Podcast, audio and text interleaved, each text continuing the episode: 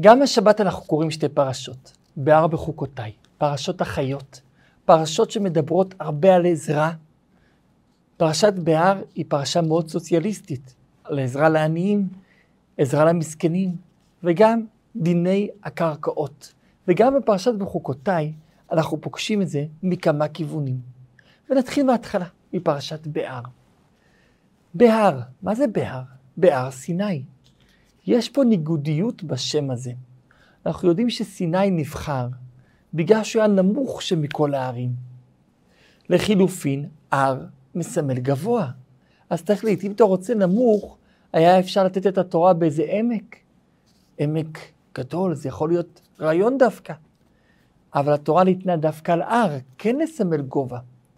אלא בשם הפרשה יש הוראה. וההוראה היא כזאת, יש דברים שבהם צריכים להיות גבוהים, ויגבה בדרכי השם.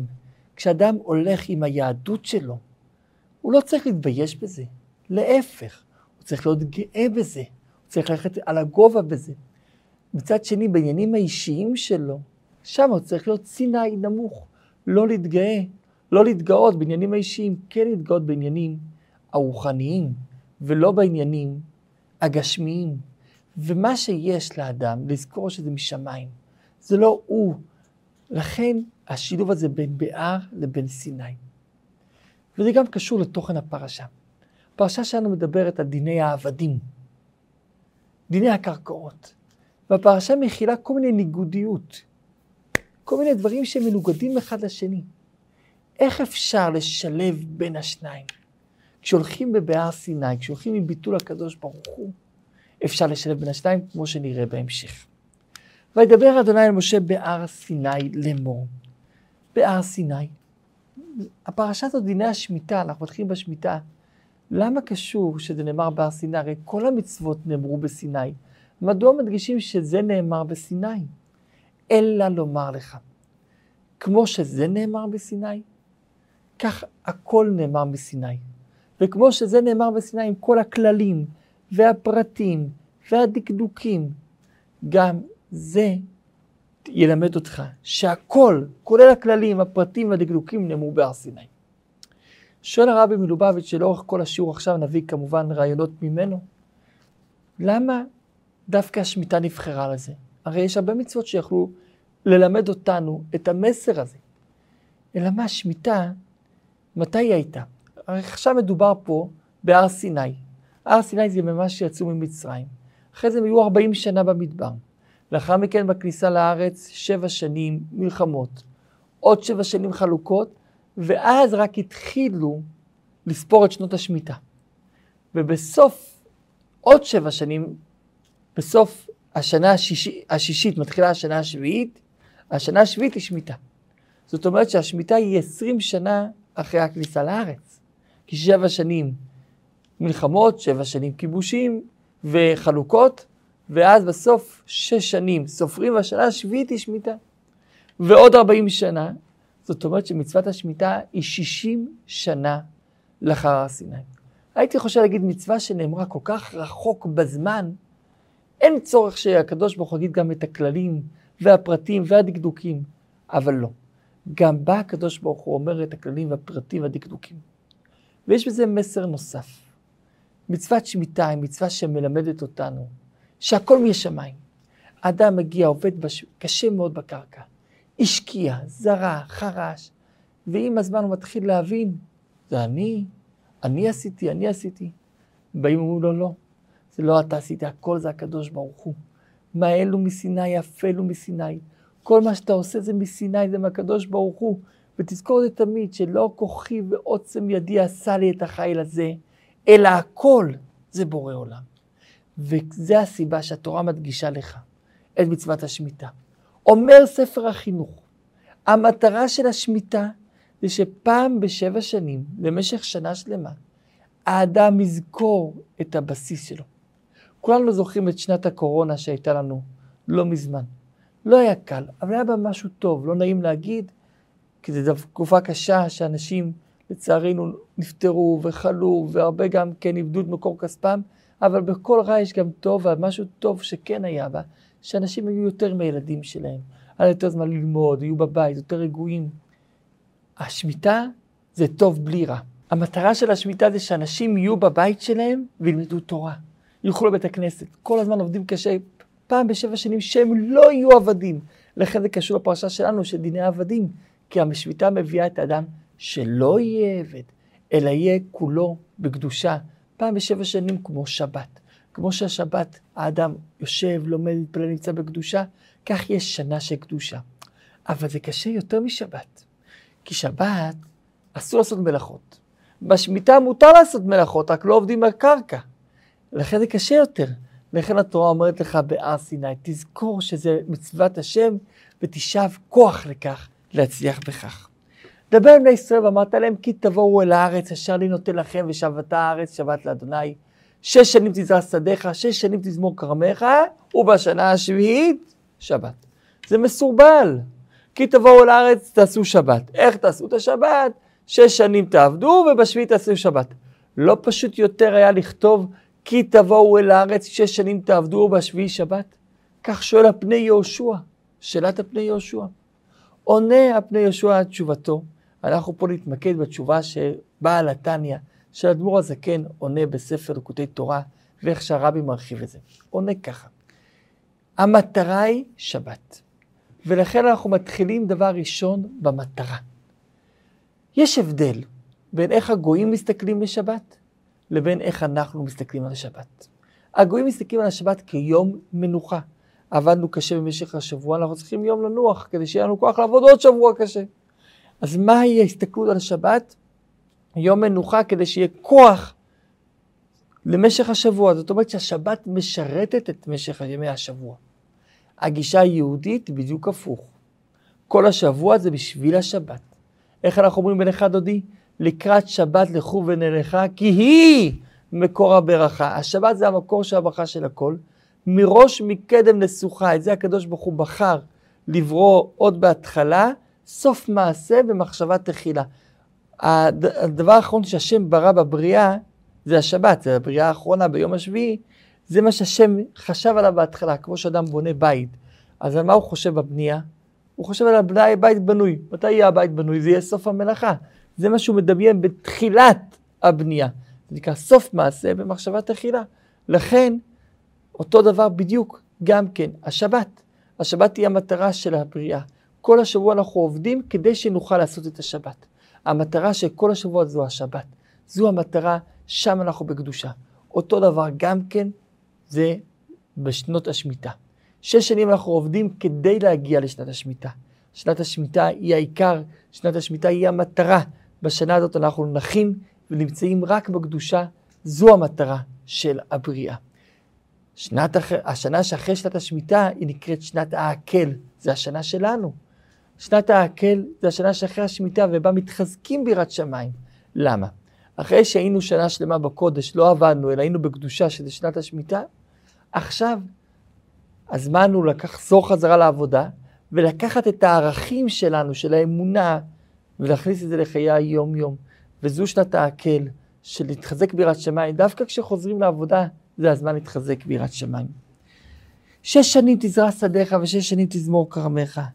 ואספת את תבואתה, ובשנה השביעית שבת שבתון יהיה לארץ, אסור לעבוד בארץ. ירקות אסור לזרוע, פירות אסור לנטוע עצים חדשים. מותר אך ורק לשמר את הקיים, כדי שלא יהיה הרס. אז אכן ירקות שזה חדש אסור. עצי פרי מותר לשמר אותם. ומה קורה עם הפירות שהשמיטה נותנת, שהארץ נותנת? אז אם זה ירקות, אפילו שגדלו לבד, חכמים אסרו אותם, כדי שלא יבואו וייטו ירקות ויגידו, הנה זה גדל לבד. אם זה פירות, זה מותר, אבל זה לא שלך, זה הפקר. כל מי שרוצה יכול לבוא לקחת. גם אתה יכול לקחת, ואפילו עשירים יכולים לקחת, זה לאו דווקא לעניים, זה לכולם, אבל לכולם בחינם.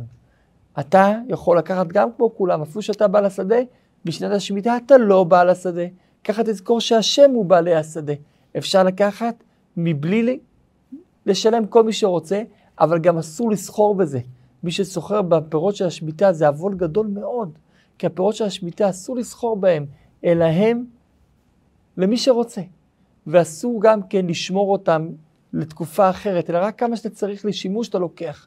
אסור גם כן להפסיד אותם, אסור להרוס אותם, צריך להשתמש בהם כל דבר רק לייעוד המתאים לו. לא עושים דבר שלא ייעוד המתאים לו. וגם יש להם סוף זמן. כל מה שיש לחיות את הפירות האלה, מותר לשמור אותם גם בבית. ברגע שכבר זה לא קיים בשדה לחיות, אסור גם לשמור את זה בבית. ממשיכה התורה ואומרת, עכשיו תספור שבע שנים, ועוד שבע שנים, ועוד שבע שנים, ככה שבע פעמים. שבע כפול שבע, ארבעים ותשע. אז יש לנו שבע ימים שבת, שבע שנים שמיטה, עכשיו שבע כפול שבע, מה זה? יובל. שנת ה-49 היא שנת שמיטה, כי הרי זה שנת השמיטה, והשנה שלאחריה, שנת היובל. שנת היובל זה עוד הפעם שמיטה, פעמיים שמיטה, ברצף. שנה ועוד שנה. ובשנת היובל מצטרף לנו דין נוסף, שזה שחרור כל העבדים. כל העבדים היהודים, כל העבדים העבריים, מגיע שנת היובל משתחררים. אפילו העבדים שרצו את האוזניים שלהם במרצע ואמרו אנחנו נהיה עבדי עולם, מגיע שנת היובל משתחררים. העבדים הכנענים לא משתחררים, העבדים היהודים משתחררים. וגם כל הקרקעות חוזרות חזרה לבעלים. איזה קרקעות מדובר כאן? מדובר כאן על הקרקעות שקיבלו בכניסה לארץ. כל אחד קיבל קרקע, זה נקרא נחלה. את הנחלה הזאת אפשר למכור רק אם יש עוני. אם אין עוני אסור למכור. וגם אז התורה ממליצה לא למכור את הכל, אלא למכור חלק וחלק תשאיר אצלך. אבל אם אין ברירה, מותר לו למכור אך ורק כשאין ברירה, ואך ורק בגלל עוני. עכשיו, את המכירה עושים לפי השנים עד היובל. כמה שנים יש ליובל?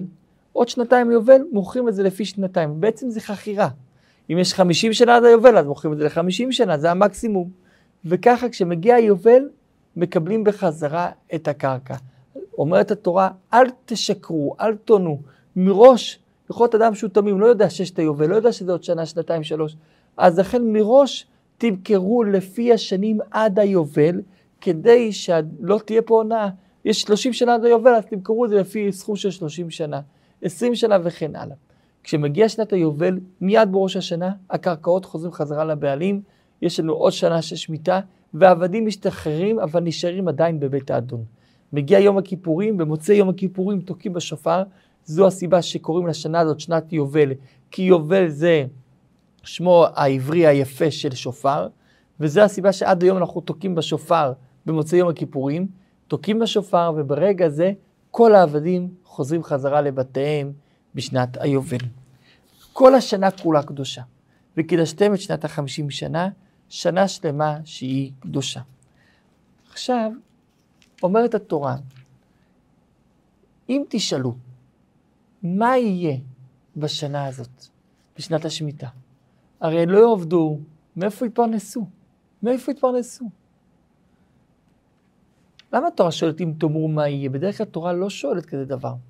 אלא זה לא שאלה שחס ושלום שכפירה.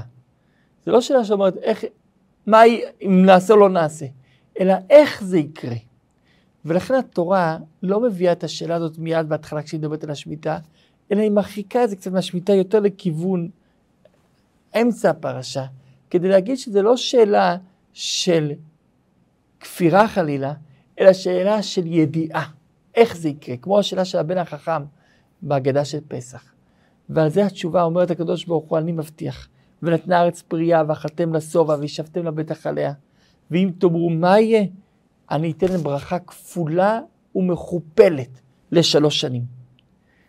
השנה השישית, החצי השנה שלפני השמיטה, מפסח עד ראש השנה, תהיה בה ברכה גדולה. כל השנה השביעית תהיה ברכה גדולה, והחצי השנה, שמראש השנה ועד פסח, בשנה השמינית, שנת העקל, תהיה גם ברכה. בפועל זה שנתיים. למה התורה אומרת שלוש שנים? כי זה חצי שנה מהשנה השישית, חצי שנה מהשנה השמינית, וכל השנה השביעית. ואם זה בשנת היובל, זה יהיה לארבע שנים, שזה שלוש שנים בפועל, חצי שנה של השנה השישית, השביעית והשמינית, והחצי שנה הראשונה של השנה, שנת העקל. ויהיה ברכה גדולה.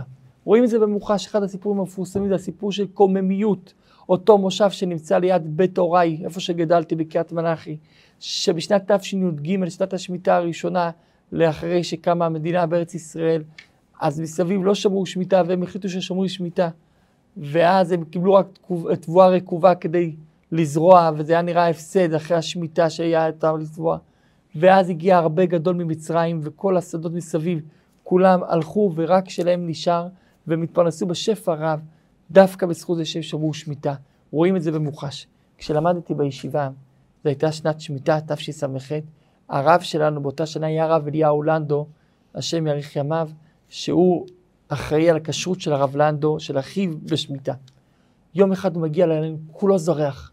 הוא אומר, בואו תראו נס אמיתי. הוא מוציא לנו צילומי אוויר, ומראה לנו, רואים הרבה מטעים, הכל שחור, ובאמצע צהוב בוהק. הוא אומר, אתם רואים? אלו מטעי בננות. אלו מטעים של בננות שלא שמרו שמיטה, הגיעה, הייתה קרה חזקה מאוד בחורף של תשס"ח, 2008, הרסה את כל המטעים מסביב. באמצע יש את המטע היחידי ששמר שמיטה, הקרה דילגה עליו ולא קרה שם שום דבר. הוא אומר, תראו איזה נס, זה מה שהשם הבטיח, וציוויתי את ברכתי. השם מבטיח את הברכה. ממשיכה הפרשה ואומרת, תזכרו שהארץ היא שלי, ולכן לא תמכרו אותה לצמיתות כי שלי הארץ. ומה קורה אם מגיע אדם עני, והוא מוכר את הקרקע שלו. זה חוזר ביובל, אבל יש לחילופין גם כן אפשרות לגאול את הקרקע. יכול לבוא קרוב משפחה, או הוא עצמו, אם הוא השיג כסף, ולגאול את הקרקע. אבל אי אפשר לגאול את הקרקע בחלקים, הכל בבת אחת או כלום. וגם אי אפשר לגאול בשנתיים הראשונות אחרי הקנייה, כי אז לא יהיה שווה לאף אדם לקנות ולהשקיע, אלא שנתיים אחרי הקנייה אפשר לגאול. איך גואלים את הקרקע? מחשבים כמה שנים עברו עד היובל, לפי זה גואלים את הקרקע. ואם מוכרים בית, אז אם זה בית בתוך עיר חומה, יש שנה שלמה לגאול את הבית. אחרי השנה הזאת אי אפשר יותר לגאול את הבית, זה גם לא יוצא אפילו ביובל. ואם זה בית מחוץ לעיר חומה, הדין שזה כמו שדה, ויש אפשרות לגאול את זה מתי שרוצים, ואם לא זה חוזר חזרה אפילו ביובל, אבל עם הבדל קטן, אין את השנתיים המתנה, אלא אפשר לגאול את זה מיד, אם יש את הכסף, אפשר לגאול את זה מיד. ערים הלוי, של הלווים, הלווים לא קיבלו נחלה, הם קיבלו 48 ערים עם מגרשים כדי לגור בהם, זה יהיה שלהם, ואם יהיה מכירה של הלווים מחר, זה יחזור חזרה, כי זה העיר שלו, זה מה שהוא קיבל. ואת המגרשים אסור להם למכור, אלא זה תמיד יהיה שלהם. ממשיכה התורה ואומרת, מה קורה אם יהודי נהיה עני, יש מצווה לתמוך בו. יש מצווה להלוות לו בלי ריבית. למה יש מצווה להלוות? כי הלוואה יש בה מעלה אפילו על צדקה. זה נקרא גמילות חסדים. כי ההלוואה מעמידה את האדם על הרגליים, יכול לחזור חזרה לעשות עסקים, יכול לחזור חזרה לאיתנות כלכלית. אבל יש כלל אחד, לא בריבית. אסור להלוות בריבית ליהודי ליהודי, אלא לתת לו את האפשרות לקום ולהחזיר חזרה את ההלוואה. ויראת מאלוקיך, שיהיה יראת שמיים, שתזכור שהקדוש ברוך הוא, הוא יודע, והוא רואה, רק הוא יודע, רק הוא רואה. ולכן, לעשות את זה מתוך יראת שמיים, ולא חלילה לבגוד בקדוש ברוך הוא. אני הבאתי לכם את הארץ הזאת, אז תקשיבו לי, ותעשו את זה מתוך יראת שמיים. מה קורה אם יש יהודי שנהפך להיות עני, ואין לו איך לחיות? במקרה כזה בלבד מותר לו למכור את עצמו, להיות עבד. ואז אסור להתנהג אליו כמו שמתנהגים לעבד, אלא יש לכבד אותו. מביאים לו את האוכל ראשון. נכון שהוא עבד, אבל נותנים לו כבוד כאדם שהוא לא עבד, כבן חורין, כי כל יהודי הוא בן חורין. ואם יש כרית אחת, או לך או לא, נותנים לו, וכן הלאה. ואתה צריך לדאוג גם כן למשפחה שלו. אומר רבי שמעון בר יוחאי, למה צריך לדאוג למשפחה שלו? הרי לכאורה אם זה צדקה שיכול לתת צדקה למי שרוצה, למה דווקא למשפחה שלו? אלא רבי שמעון אומר, האדם והבן שלו זה מציאות אחת. אז העבד והילדים שלו זה מציאות אחת, תדאג לילדים של העבד גם כן. ובשנת היובל העבד יוצא חזרה אל משפחתו ולכבודו הקדום. הם עבדים שלי, אומר הקדוש ברוך הוא. לכן תנהג בהם בכבוד, אלו עבדים שלי. ובכלל, יש הבדל בין עבד עברי לבין עבד כנעני, שעבד כנעני לא יוצא ביובל ושייך לעולם ואסור גם למכור אותו, לבין עבד עברי שחוזר ביובל או בסוף השנה השישית. ממשיכה התורה ואומרת מה קורה אם יש יהודי שנקרא לעבד, לגוי, יש מצווה גדולה לפדות אותו מן הגוי. ומחשבים אותו ומוצאים אותו מן הגוי, ויש גם כן, אם עבד נמכר ליהודי אחר, גם שם יש מצווה לפדות אותו, ושם מחשבים לפי שנת היובל ופודים אותו. וכשהוא נמכר לגוי, אסור לו לעשות עבירות בשביל הגוי. יגיד, טוב, הרי לעבד מותר להביא ילדים לגוי, אז יהיה כבר מותר לי גילוי עריות, יהיה מותר לי שפיכות דמים, יהיה מותר לי עבודה זרה, יהיה מותר לי כי אני לא מציאות עצמי, אני עבד. אסור. אסור, אתה עבד שלי, אפילו שכרגע אתה נמצא אצל גוי, נשארת עבד שלי של הקדוש ברוך הוא, ואתה חייב לקיים את מצוות השם. הפרשה השנייה שלנו, פרשת בחוקותיי, הקדוש ברוך הוא מבטיח. אם בחוקותיי תלכו ותמצאותיי תשמרו ועשיתם אותם, אם תעשו יותר ממה שצריך, תהיו יגעים בתורה, תוסיפו. הקדוש ברוך הוא מבטיח ונתתי גשמכם בעיתם, ונתנה הארץ יבולה ועץ השדה ייתן אני אתן לכם הרבה מאוד, אני אתן לכם שפע בארץ. והשיג לכם די של בציר, ובציר אשיג את זרע. אתם לא תספיקו מרוב השפע. אתם תתחילו לקצור, כבר יהיה את החרישה, מרוב, שפע גדול מאוד. ואכלתם לחמכם לשובע ושבתם לבטח בארצכם, ונתתי שלום בארץ, ושכבתם ואין מחריד, והשבתי חיה רעה מן הארץ, לא תהיה חיה רעה. לפי הרמב"ם, הדברים האלה נאמרו על ביאת המשיח, ששבוע המשיח אז יתקיימו, ואז אכן אומרת הגמרא, לא תהיה יותר חיה רעה. תקופה ראשונה יהיו חיות, חיות רעות, אבל הם לא יזיקו. תקופה שנייה גם לא תהיה חיה רעה בכלל. וחרב לא תבוא בארצכם. לא רק שלא תהיה מלחמה בארץ, אפילו לא יעברו מצד לצד בארץ עם חרבות כדי לחתוך בדרך למלחמה אחרת, ואז יש פחד, אצל זה שרואים גם פחד כזה לא יהיה, שום פחד לא יהיה. תרדפו את האויבים ותנצחו אותם. חמישה מכם ירדפו מאה, מאה מכם ירדפו אלפים. הקדוש ברוך הוא יראה את חיבתו אלינו, ייתן לנו ברית גדולה, ייתן לנו אהבה גדולה. אתם מרוב שפע תביאו תבואה חדשה לבית, עדיין יישאר בתבואה הישנה כי יש שפע, לא יחס לשום דבר. הקדוש ברוך הוא לא יעזוב אותנו ויבנה לנו את בית המקדש ויהיה איתנו כל הזמן, ובית המקדש יבוא המשיח יהיה בית נצחי. ואני אלך איתכם, ואני אהיה איתכם לאלוקים ואתם תהיו לי לעם. זה הולך גם על התקופה של היום, שהקדוש ברוך הוא לא ייתן לנו הפרעה, ואם אדם ירצה אה, ללמוד, הקדוש ברוך הוא ייתן לנו שלא יהיה לנו שום הפרעה, אלא נוכל ללמוד בלי שום מפריע, וזה הולך גם כן על התקופה של המשיח, ואז יהיה שפע, שפע, שפע, גשמי ורוחני בעולם. אני השם אלוקיכם, שהוצאתי אתכם מארץ מצרים, יותר כשבוא משיח לא יהיה לכם שום עול, ואני הולך אתכם קוממיות בקומה זקופה, קומה כפולה, ולכן גם בית המקדש יהיה בקומה כפולה. אבל אם לא תקשיבו לי ולא תקיימו את מצוות השמיטה, תהיה גלות.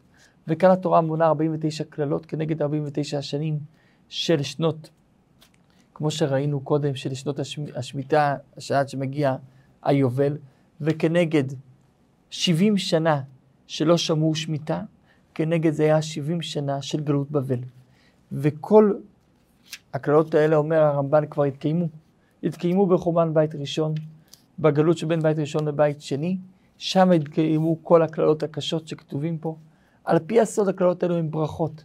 אלה הן ברכות גדולות מאוד שלא ירדו לעולם מרוב קדושתם, כמו אותם קללות שקיללו יהודה בן גרים ויונתן בן אסמאי, את רבי אלעזר, הבן של רבי שמעון בר יוחאי, ורבי שמעון בר יוחאי הסביר לו שבעצם הכל ברכות. אז למה מראש הם לא בירכו אותו? כי הם רצו לתת לו ברכה שלא תינזק, ולכן עשו את זה במסווה של קללה. אותו דבר גם הברכות האלה, הן בעצם ברכות גדולות, אבל יורדים במסווה של קללה, כדי שלא יהיה נזק מזה.